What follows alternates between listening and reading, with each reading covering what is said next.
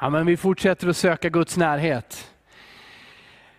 Vi är kallade att predika evangelium. Vi är kallade att predika evangelium. Det är vår främsta uppgift. Det är faktiskt vårt existensberättigande att predika evangelium. Inte byggnader först och främst. Inte program av olika slag. Utan att förkunna, att göra evangeliet känt. Det är vår grundkallelse, vårt första uppdrag. Och Det här är för alla som säger att de är kristna. Det här att förkunna, att predika, att sprida evangelium genom ord och gärning. Det är det som vi är kallade in att göra, att utrustade att göra. Att göra Jesus känd, att göra evangeliet känt. Och ingen som tror på Jesus är undantagen ur den här kallelsen. Ingen kan stå inför Gud och presentera hållbara skäl varför du eller jag inte skulle predika evangelium. Jag hoppas att du blir glad av det. Jag, hopp, oh, jag hoppas att du blir lite stressad och lite nervös, så att du börjar be. Amen. Jag hoppas att du blir glad över mandatet, uppdraget som Gud ger dig. Och jag hoppas att det får dig att då och då, eller ofta gå ner på knä och be till honom som bara kan ge dig den kraft du behöver. Ingen annan, bara han. Han ger dig ett uppdrag och han ger dig en kraft. Det står så här i första Petrusbrevet kapitel 2.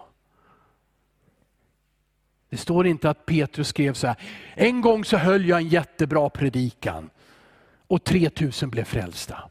Han skrev inte det.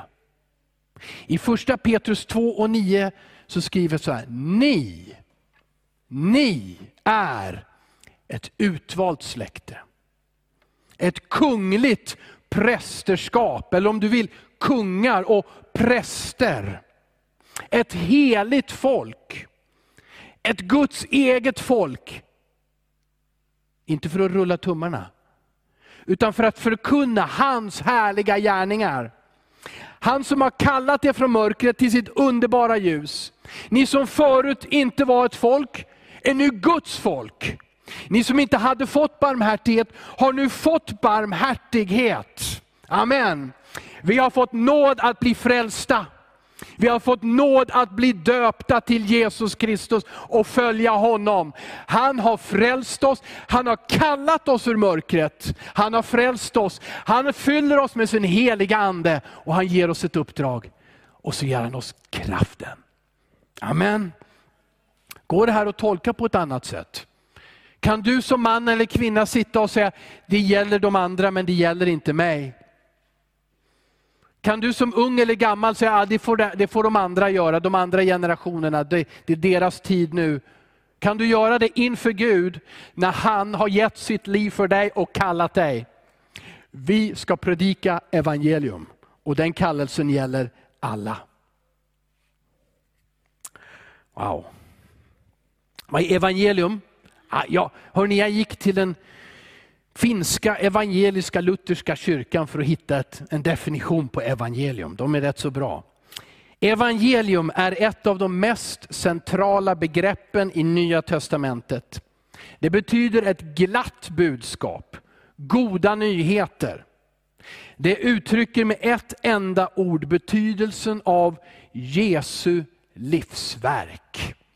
Alla har ett livsverk, från början till slut. Vi gör någonting, vi lämnar efter oss någonting. Jesu livsverk, det är evangeliet. Det glada budskapet, de goda nyheterna. Om hans födsel, att Gud blev människa, hans budskap. Eh, hans, eh, hans tecken, hans under. Men speciellt, speciellt Hans frälsande död, hans död som räddar oss och hans uppståndelse från de döda.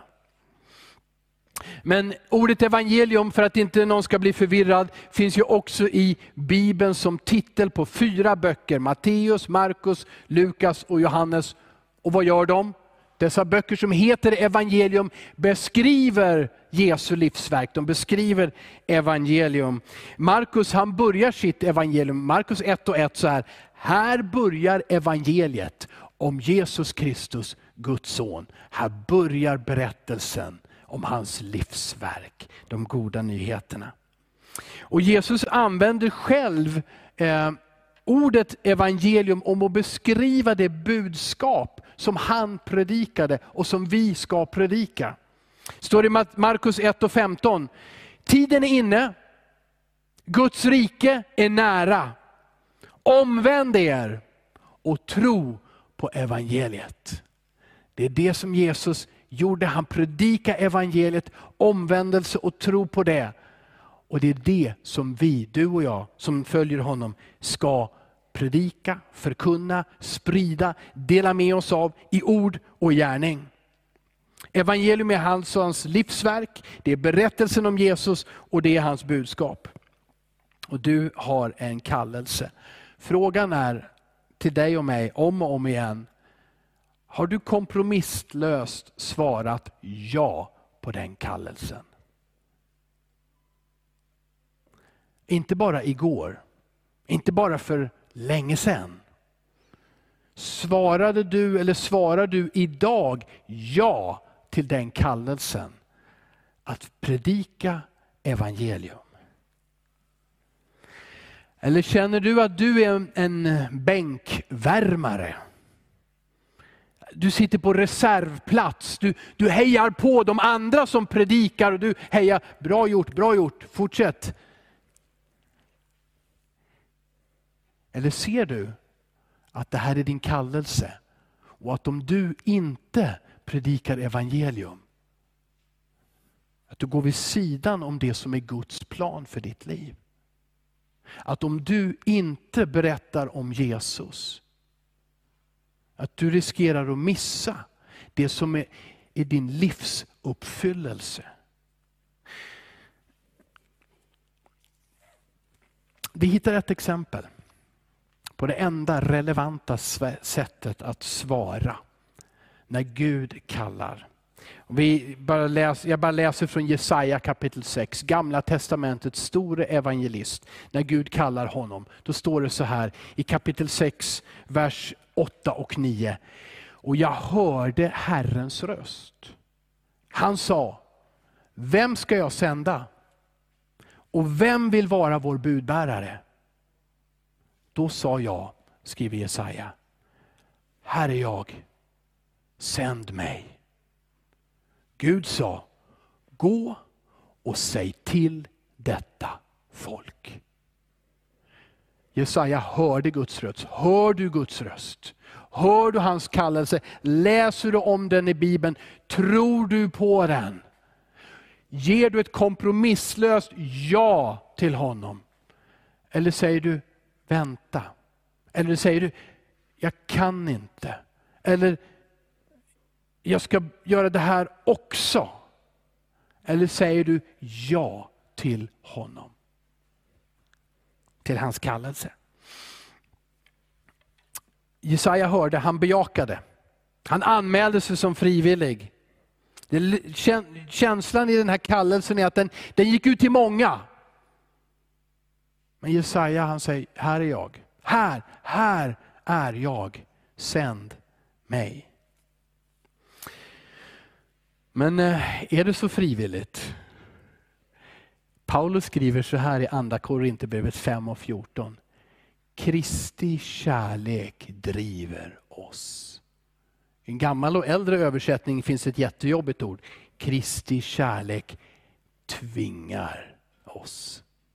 Den är vår drivkraft. Jesu kärlek till oss och till alla människor är en drivkraft att förkunna evangeliet. Och vår drivkraft ska alltid vara kärleken. Kärleken från Jesus till dig och till hela skapelsen. Och det är klart att Paulus hintar till att det inte är riktigt frivilligt. För det är en passion i hjärtat som måste ut genom munnen, ut genom händerna, ut genom fötterna. Att ge evangeliet till alla människor. När vi har blivit medvetna om den här kallelsen, då är det faktiskt svårt för oss. Det blir svårt om vi inte lever ut den. Om du har hört kallelsen att berätta för andra människor och du gör det inte. Om du har, i gudsmötet har tagit emot en tydlig signal och en uppmuntran från Gud. Han säger, jag är med dig.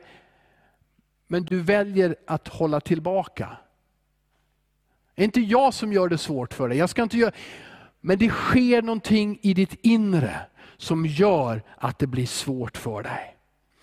Salmisten, han beskriver så här i Saltaren 39, vers 3 och 4. Hur han, psalmisten till en början väljer att inte tala om det han ser, både människors synd och om Guds godhet. Och han skriver, jag blev stum och tyst. Jag höll inne med det goda och min plåga blev allt värre. Mitt hjärta brann inom mig. Medan jag grubblade brann det som en eld. Vi kan brinna av lidelse och passion, en längtan av kärlek. Vi kan brinna av kärlek.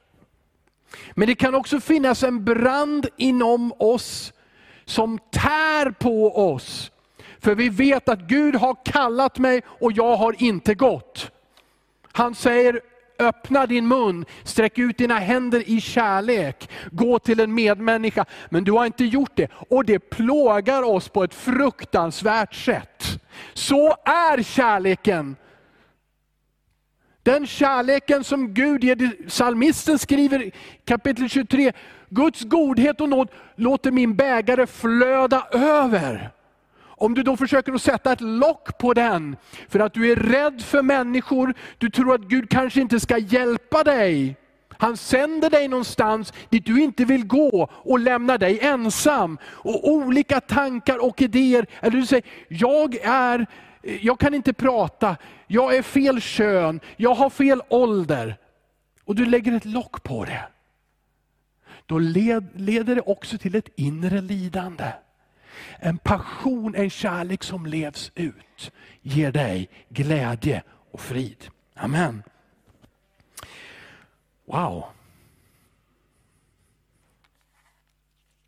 Kallelsen att förkunna Guds härliga gärningar gäller alla och den gäller dig. Och det börjar idag. Det är så lätt också att vi tänker, jag har missat så mycket. Jag har levt så länge. Jag missade chansen. Så här ska du tänka. Idag är början på resten av ditt liv. Om Gud kallar dig idag, glöm det som var bakom och följ Jesus. Gå in i din kallelse. Ta vara på de dagar och år, den tid som du har från och med idag. Det här är Guds nåd. Det här, Guds nåd är underbar och ett mysterium. Tänker på en man som, som var borta ifrån Gud i 30 år, så beskriver han det själv. Och Han gjorde slut på sin familj till den grad att de inte ville se honom. Tills han ska visa att han var ungefär 55 år gammal eller sådär. Mötte Jesus igen. Och han, precis som så många andra, skulle kunna gråta så många tårar över missade chanser, över allt som hade gått fel. Men istället så sökte han Guds nåd, Guds kärlek till upprättelse. Så har han bett för sin familj. Och så har han fått etablera kontakten efter många år av tystnad.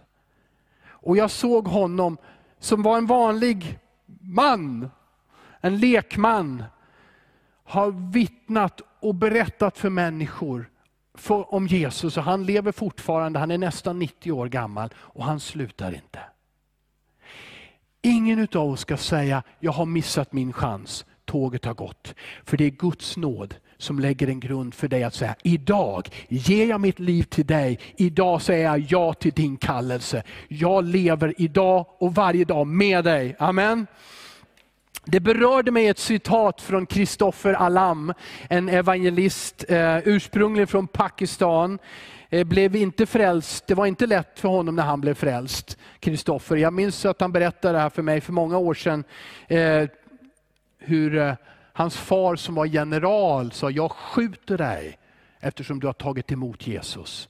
Jag, jag, ska själv döda dig. Och han flydde sitt hemland. Men han skrev så här, för han har använt hela sitt liv till att vittna om Jesus och predika om Jesus. Lyssna. Det största vi kan göra med våra liv är att överlåta det 100% till Jesus. Och leva för honom utan att hålla tillbaka någonting. Utan att hålla tillbaka någonting. Att lita på Jesus. Ge honom 100 procent. och håll inte tillbaka någonting. Jag vill ta med er till ett exempel ur Bibeln. Visst har ni hört talas om en stad i norra Grekland som heter Thessaloniki. Thessaloniki, det, idag så, så kallas det där området Nordmakedonien. Eh, och eh, även då så hette det Makedonien, det var en romersk provins i norra, i, i norra Grekland. Och Paulus, och Silas och Timoteus, de kom dit. De var på, sin, på Paulus andra missionsresa. Det var första gången som evangeliet kom till Europa. Först till staden Filippi och så strax efter till Thessaloniki. Jag vill läsa om det först i Apostlagärningarna i kapitel 17. Där det här beskrivs, vad som hände. Och jag läser det här som ett exempel, ett väldigt radikalt exempel på att lämna allt och följa Jesus.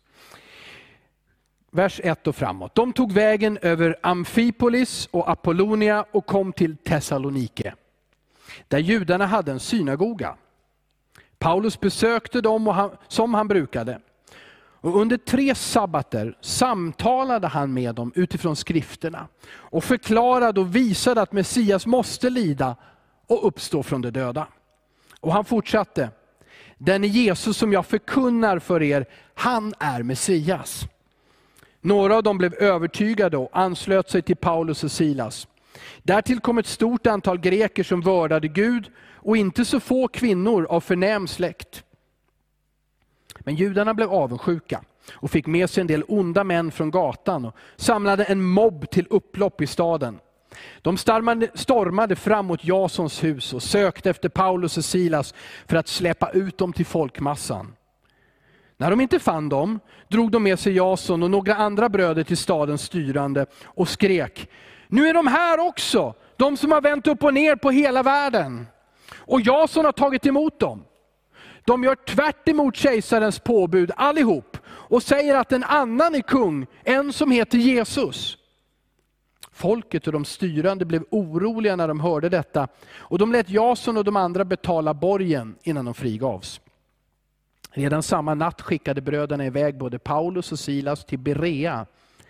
Så snart de kom dit gick de till judarnas synagoga. Folket där var öppnare än de i Thessalonike. De tog emot ordet med stor villighet och forskade varje dag i skrifterna för att se om det stämde. Många av dem kom till tro, likaså ett stort antal ansedda grekiska kvinnor och män. Men när judarna i Thessaloniki fick veta att Paulus förkunnade Guds ord också i Berea, kom de dit och spred oro och hetsade upp folket. Bröderna sände då genast iväg Paulus ner mot kusten, men Silas och Timoteus stannade kvar där. Och så går Paulus vidare till den stora staden Aten och predikar där på Areopagen om Jesus den uppståndne. Och sen går han vidare till den stora huvudstaden i södra Grekland, Korint, och predikar där. Och så står det att där kommer sen Silas och Timoteus och ansluter sig till Paulus och de fortsätter på sin resa. Där strålade de samman i Korint. Och när de har kommit till Korint, då sätter de sig ner och så skriver de minst ett brev, kanske två brev redan där, till Thessaloniker, till den här nya unga församlingen. Vad hade hänt? Paulus hade varit i synagogan tre lördagar efter varandra på sabbaten. Han hade samtalat utifrån gamla testamentet och visat att den Messias som judarna väntar på, han heter Jesus och han har dött och uppstått för alla människor. Och det var intressant. Och de studerade och många började, de kom till tro. Det sa att de anslöt sig. Jag hävdar att det betyder att de lät döpa sig. Och, men det här väckte avundsjuka. För det brukade inte komma så mycket människor till synagogan förut. Men plötsligt så kom massor, och inte bara judar, utan också hedningar. Alla vi andra som inte är judar skockade sig vid synagogan, ville veta mer, lära känna Jesus, höra om honom. Och då blev några avundsjuka och så ordnade de det här upploppet som ledde till att, att man sa, de här första kristna i Thessaloniki sa, Paulus du måste härifrån. Jag vet inte hur stannade han många veckor, några månader, precis hur länge vet jag inte, men det var inte en jättelång tid. Men det uppstod en församling på den platsen, i den staden, Thessaloniki.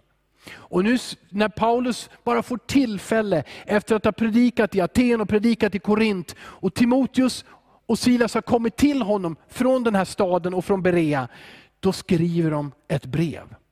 Och Jag vill läsa lite i början av det brevet. Det andas kärlek till människor som har blivit troende, trots att på en gång så blev de förföljda.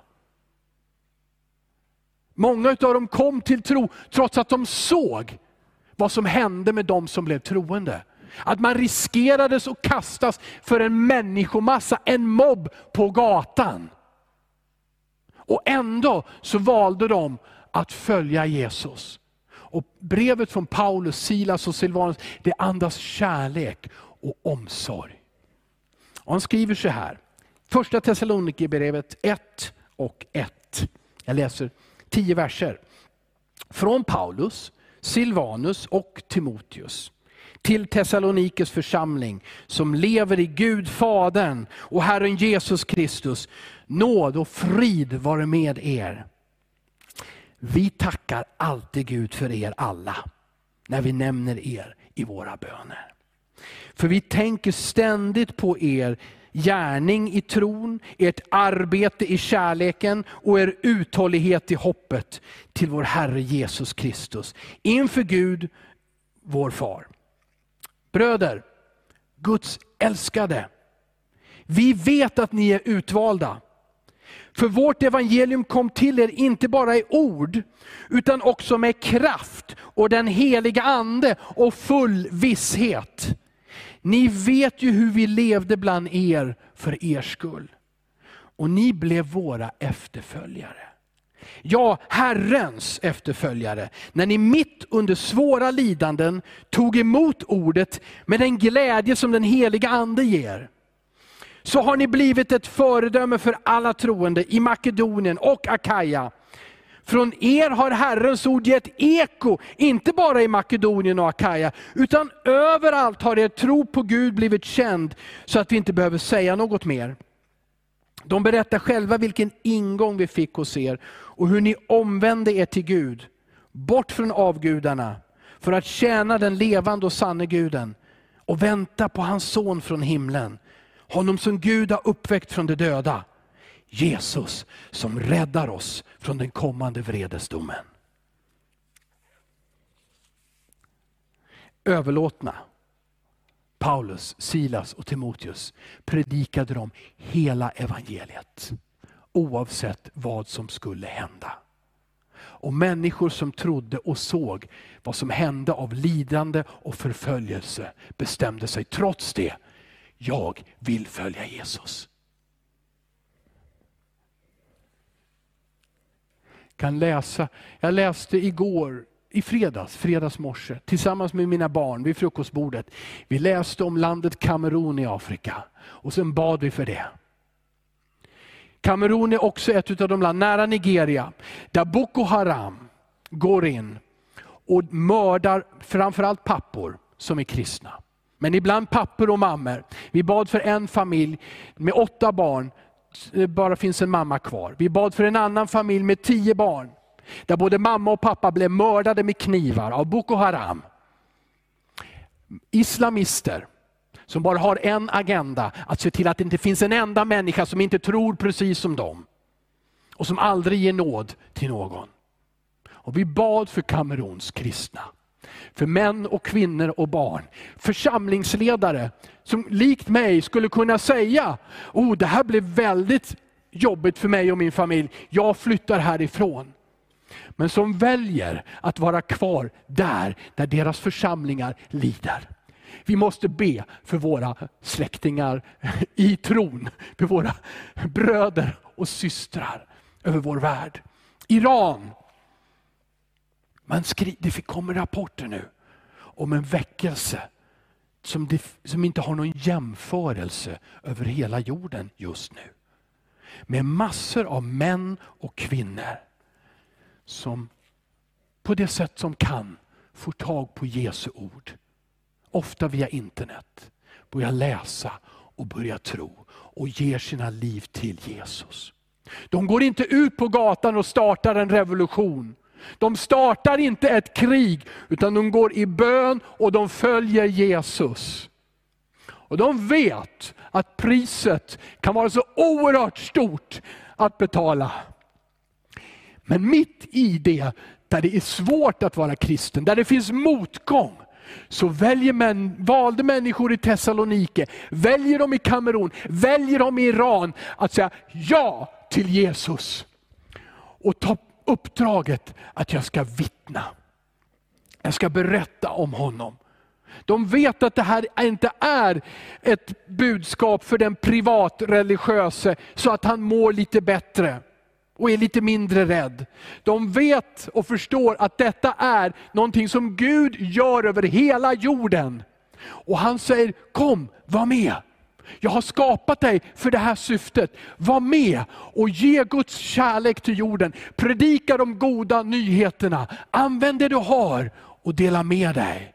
Och De säger ja, mitt under lidelse. Jag vill lyfta fram några punkter ifrån den här texten som kan vägleda oss idag. Den första är, vi ska predika frälsning genom omvändelse till Jesus. Vi såg det i texten. De tog emot ordet, budskapet, evangeliet. De tog emot Jesus. De vände sig till Gud, stod det, bort ifrån sina avgudar. Här finns det ett medvetet val som ingen kommer undan som har hört evangeliet. Har du en gång hört evangeliet, i den stunden så står du inför ett val. Har du hört om Guds kärlek och nåd som förlåter alla synder och gör dig till ett Guds barn och kallar dig att följa Jesus, då står du inför ett val. De valde att välja bort de grekiska och romerska avgudarna som hade funnits i deras liv hela tiden. De vände sig bort ifrån det och de vände sig till den enda levande guden och hans son Jesus Kristus. Det är att vända om. Och även om du inte följer avgudar idag, för du tror inte att du tror på någon Gud, så finns det så mycket som kan fylla våra liv, som blir till en slags avgud.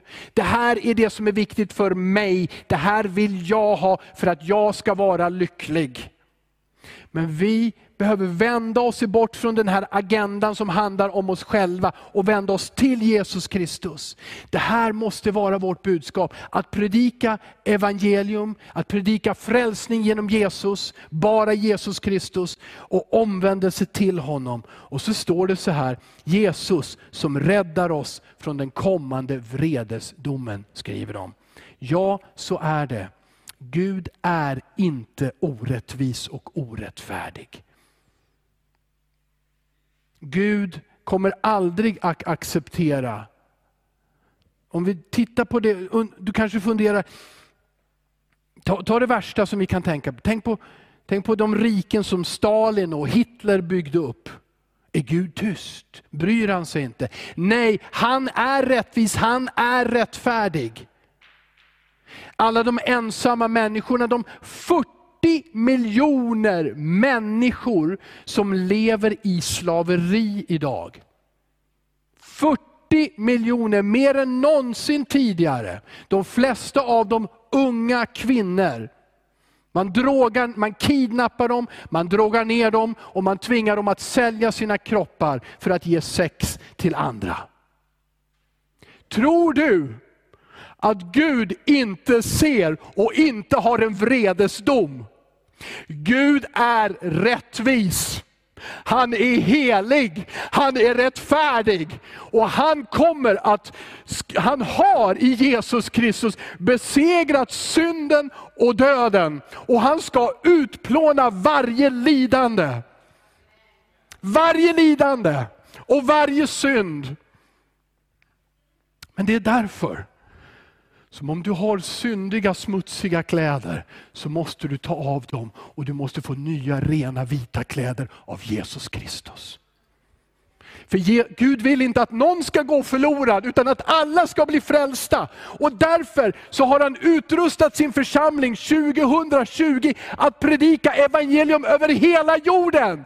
Därför kallar han varje man och kvinna att säga, se Jesus räddar och frälser. Han har en väg till liv, till evigt liv. Vem säger ja till Jesu kallelse? Det låter så tufft med en vredesdom.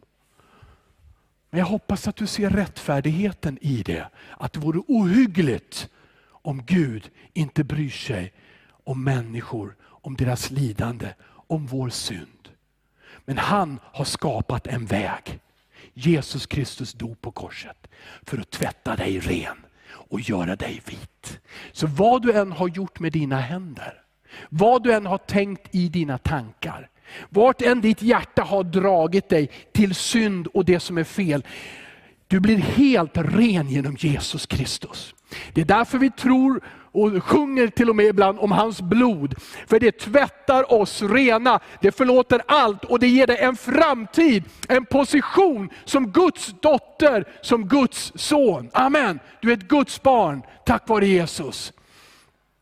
Vi ska predika denna omvändelse. Vi ska också predika om dopet. Och vi ska döpa dem som kommer till tro och vill följa Jesus. Det här är viktigt. Det här ordet dop finns varken, inte i det här kapitlet som jag läste, eller i apostlagärningarna. Men ändå så är, är det så tydligt att de blev döpta.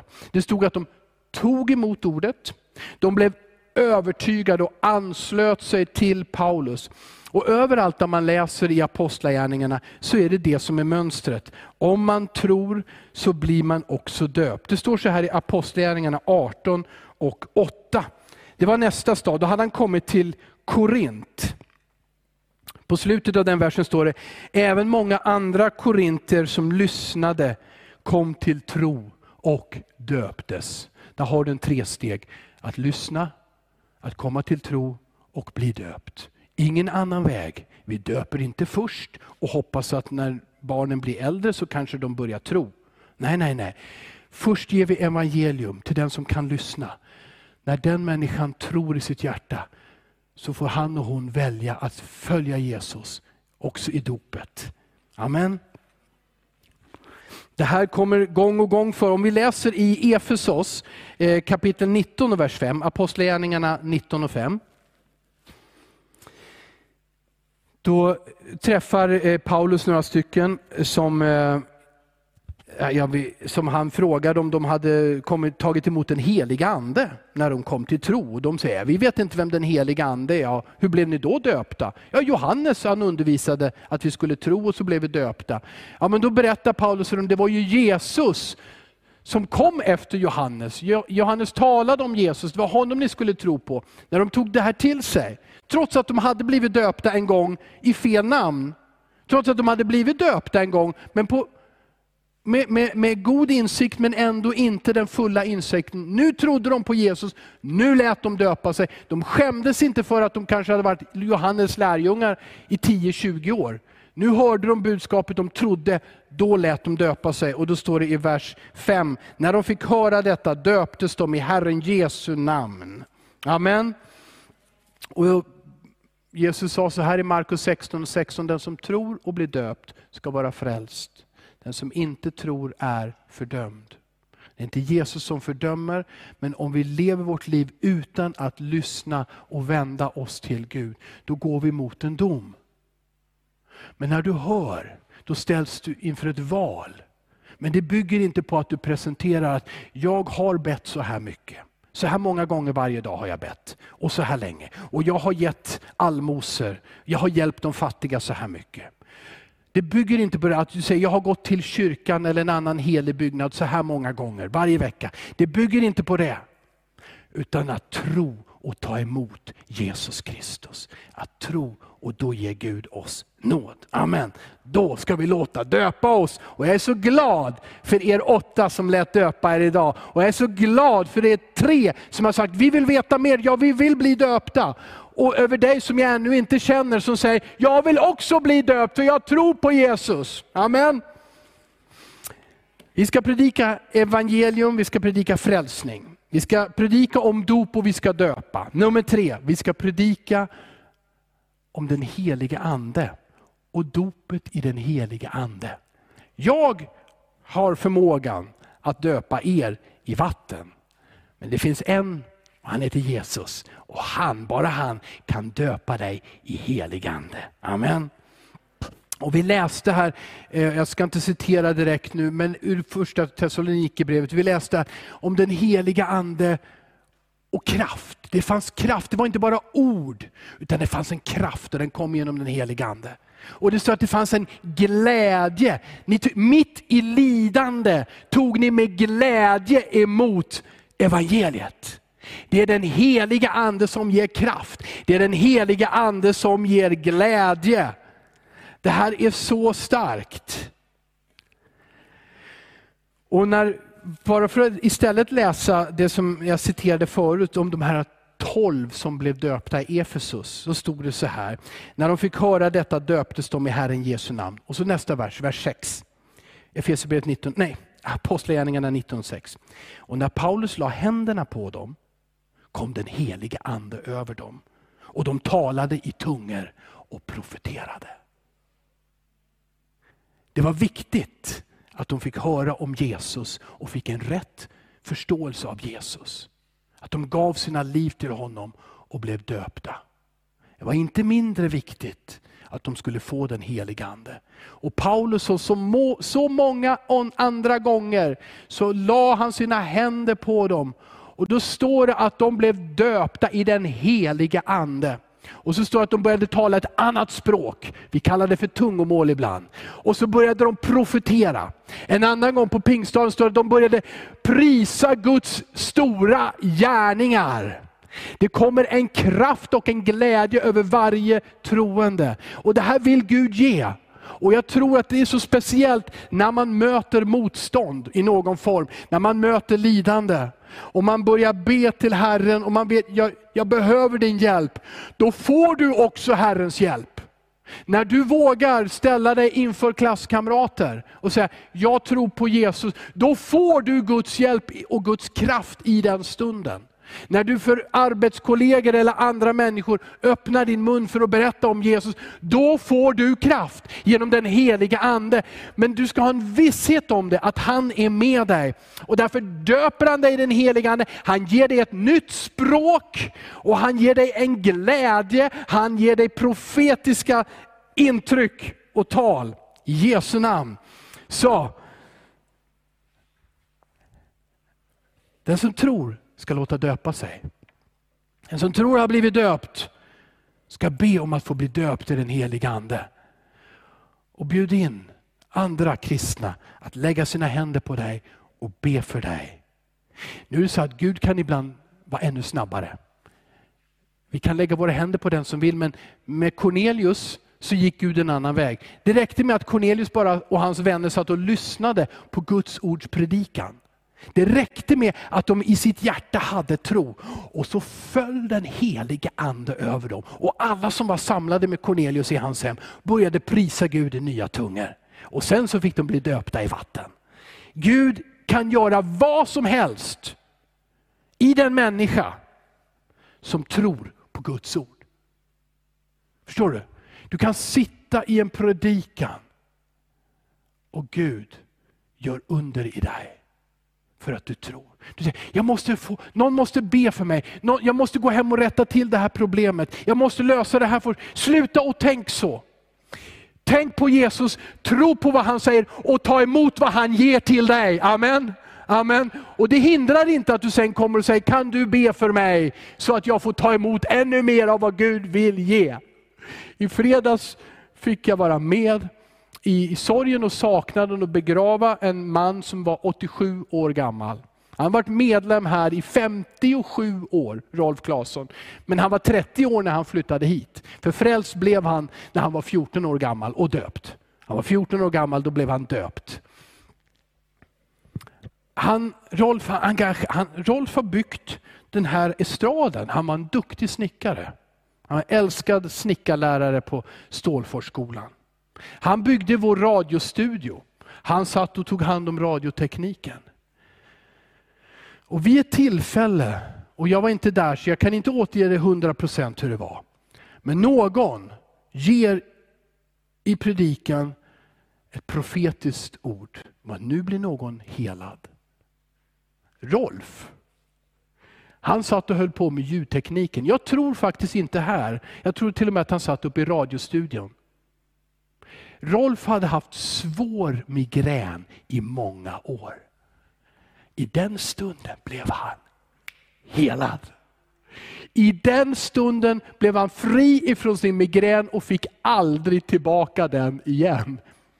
Och någon, om historien är rätt och sann, så kom någon till honom och sa, Rolf vad synd det är om dig som inte får vara med i gudstjänsten med oss andra när, när vi lyssnar till predikan och vi håller på och sjunger och vi gör allt vad vi gör. Du sitter här i radiostudion. Det var till och med ett budskap om någon som blev helad. Ja, det var jag, sa Rolf. Förstår du att Gud glömmer aldrig bort dig? Amen. Så om du tror att hela församlingen har glömt dig när du går ensam och städar någonstans i kyrkan. När du stannar kvar lite längre än någon annan för att diska och alla andra stack hem tidigare och du tänker, nu blir jag stående här igen. Men om du prisar Gud i det du gör, där du är, så kan Gud möta dig var du är och fylla dig med den heliga Ande, med glädje och kraft. Det här är vad Gud vill göra med sin församling, med sina barn. För han vill se en församling som predikar evangelium. Amen. Det allra sista kommer i vers 10. Vi ska predika och förvänta oss Jesu återkomst snart. Det stod så här, att ni Thessaloniker, ni väntar på hans son från himlen, honom som Gud har uppväckt från de döda. Ni väntar. De för... Det här är ingen specialkunskap när du har varit kristen under en lång tid. Att vi ska säga, och vet du om att Jesus kommer att komma tillbaka? Nej, det har jag aldrig hört. Det här måste vara en del av vår förkunnelse, vår predikan och ditt vittnesbörd att du och jag som tror på Jesus väntar på att han ska komma tillbaka, att skyarna ska öppna sig, att som en blixt går från väster till öster eller öster till väster, så ska det synas över hela himlen att Jesus kommer tillbaka. Han ska sätta sin fot i Jerusalem på Olivberget. Han ska komma tillbaka, han ska regera och vi ska inte se döden, vi ska inte gråta tårar längre, vi ska inte sörja, vi ska inte vara plågade, för Jesus Kristus kommer tillbaka. Och detta måste vara vår predikan varje dag och hela tiden. Han kommer tillbaka.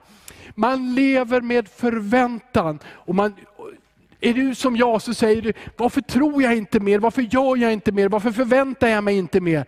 Ja men låt oss gå till källan, till Jesus Kristus. Låt oss gå till honom, Jesus du som ska komma tillbaka. Väck upp mig nu då! Och han gör det. Du som predikade evangelium, sänd mig. Ja, han sänder dig. Döp mig i den heliga ande som du lovade. Ja, han döper dig i den heliga ande. Amen. Amen. Amen. Oj då. Där ser man. Då säger vi så här. Vi som förkunnar, vi som redan gör det. Vi har inte en kallelse att förkunna och predika så mycket så att ingen annan kan göra det. Vi har en kallelse att utrusta, står det i Bibeln, alla de heliga till tjänst. Som du, om man är evangelist, eller pastor, herde, apostel, profet, någonting annat. Att utrusta er, att utrusta andra till tjänst i Guds rike. När du tänker på kallelsen, fastna inte att du måste tala eller göra som en annan människa som du har sett. Låt dig inspireras av dem som du beundrar, absolut. Men tänk inte så här, han och hon är sån, det är inte jag, jag kan inte. Förstår du att Gud har gjort dig unik? Han har gjort dig, gett dig din personlighet, dina unika erfarenheter. Och jag eller någon annan ska inte lära dig att bli som mig eller som någon annan. Men kallelsen är att utrusta dig som säger, jag vill leva ett liv som präglas av att förkunna evangeliet. Att predika evangeliet i ord och handling. En del av oss använder mera ord och en del använder mera gärningar. Jag tror att det behövs en kombination av båda två hos oss alla. Men vi har olika personligheter. Jag och Malin, Annika, Rut, andra, vi som undervisar, vi kommer också snart att ta er igenom en predikoserie. Framförallt utav sex, sex stycken gånger eller predikningar. Där vi vill visa på olika personligheter i Bibeln som lever ut kallelsen att vittna på olika sätt. Du är unik och du ska veta att Gud vill utrusta dig och hjälpa dig. Till sist, ordet ska ha framgång. Det är så det står i Apostlagärningarna, att ordet hade framgång. Ordet är ett annat namn på evangeliet. Det är inte du och jag, det är inte Pingstkyrkan, en annan kyrka som ska ha framgång, utan ordet. Och Det är därför vi måste berätta om det i tid och i otid. Om vi tror att människor är öppna, eller det känns som i det här rummet är det ingen som vill höra. Men ändå, plantera ett frö. Säg någonting om Jesus, om Guds kärlek och låt det gro där. Även om alla i kafferummet säger, jag är inte intresserad av vad du har att säga. Så ändå ut ett ord. Låt Gud ta hand om den växten. För det kan gro i en människa, i två människor, i tre människor. Att en dag ta emot Jesus. Vi är kallade att predika evangelium. Låt oss be. Fader i himlen. Halleluja. Herre Jesus, du är där idag.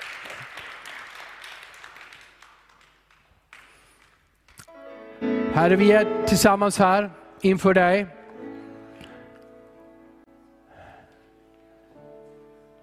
Vi vill ge våra liv till dig. I tacksamhet till dig som har tagit ett lidande och ett kors på dig. Tack för att du gav dig själv till oss och för oss. Jesus Kristus. Vi som tror på dig, vi säger, vi kallar dig Herre. Min Herre Jesus. Vi som tror på dig, vi säger tack för förlåtelsen. Tack för nåden och tack för reningen. Vi som tror på dig säger fyll oss med den heliga Ande. Med kraft och med glädje. Med ett nytt bönespråk, tungotal Herre. Vi som tror på dig säger, här är jag, sänd. Amen.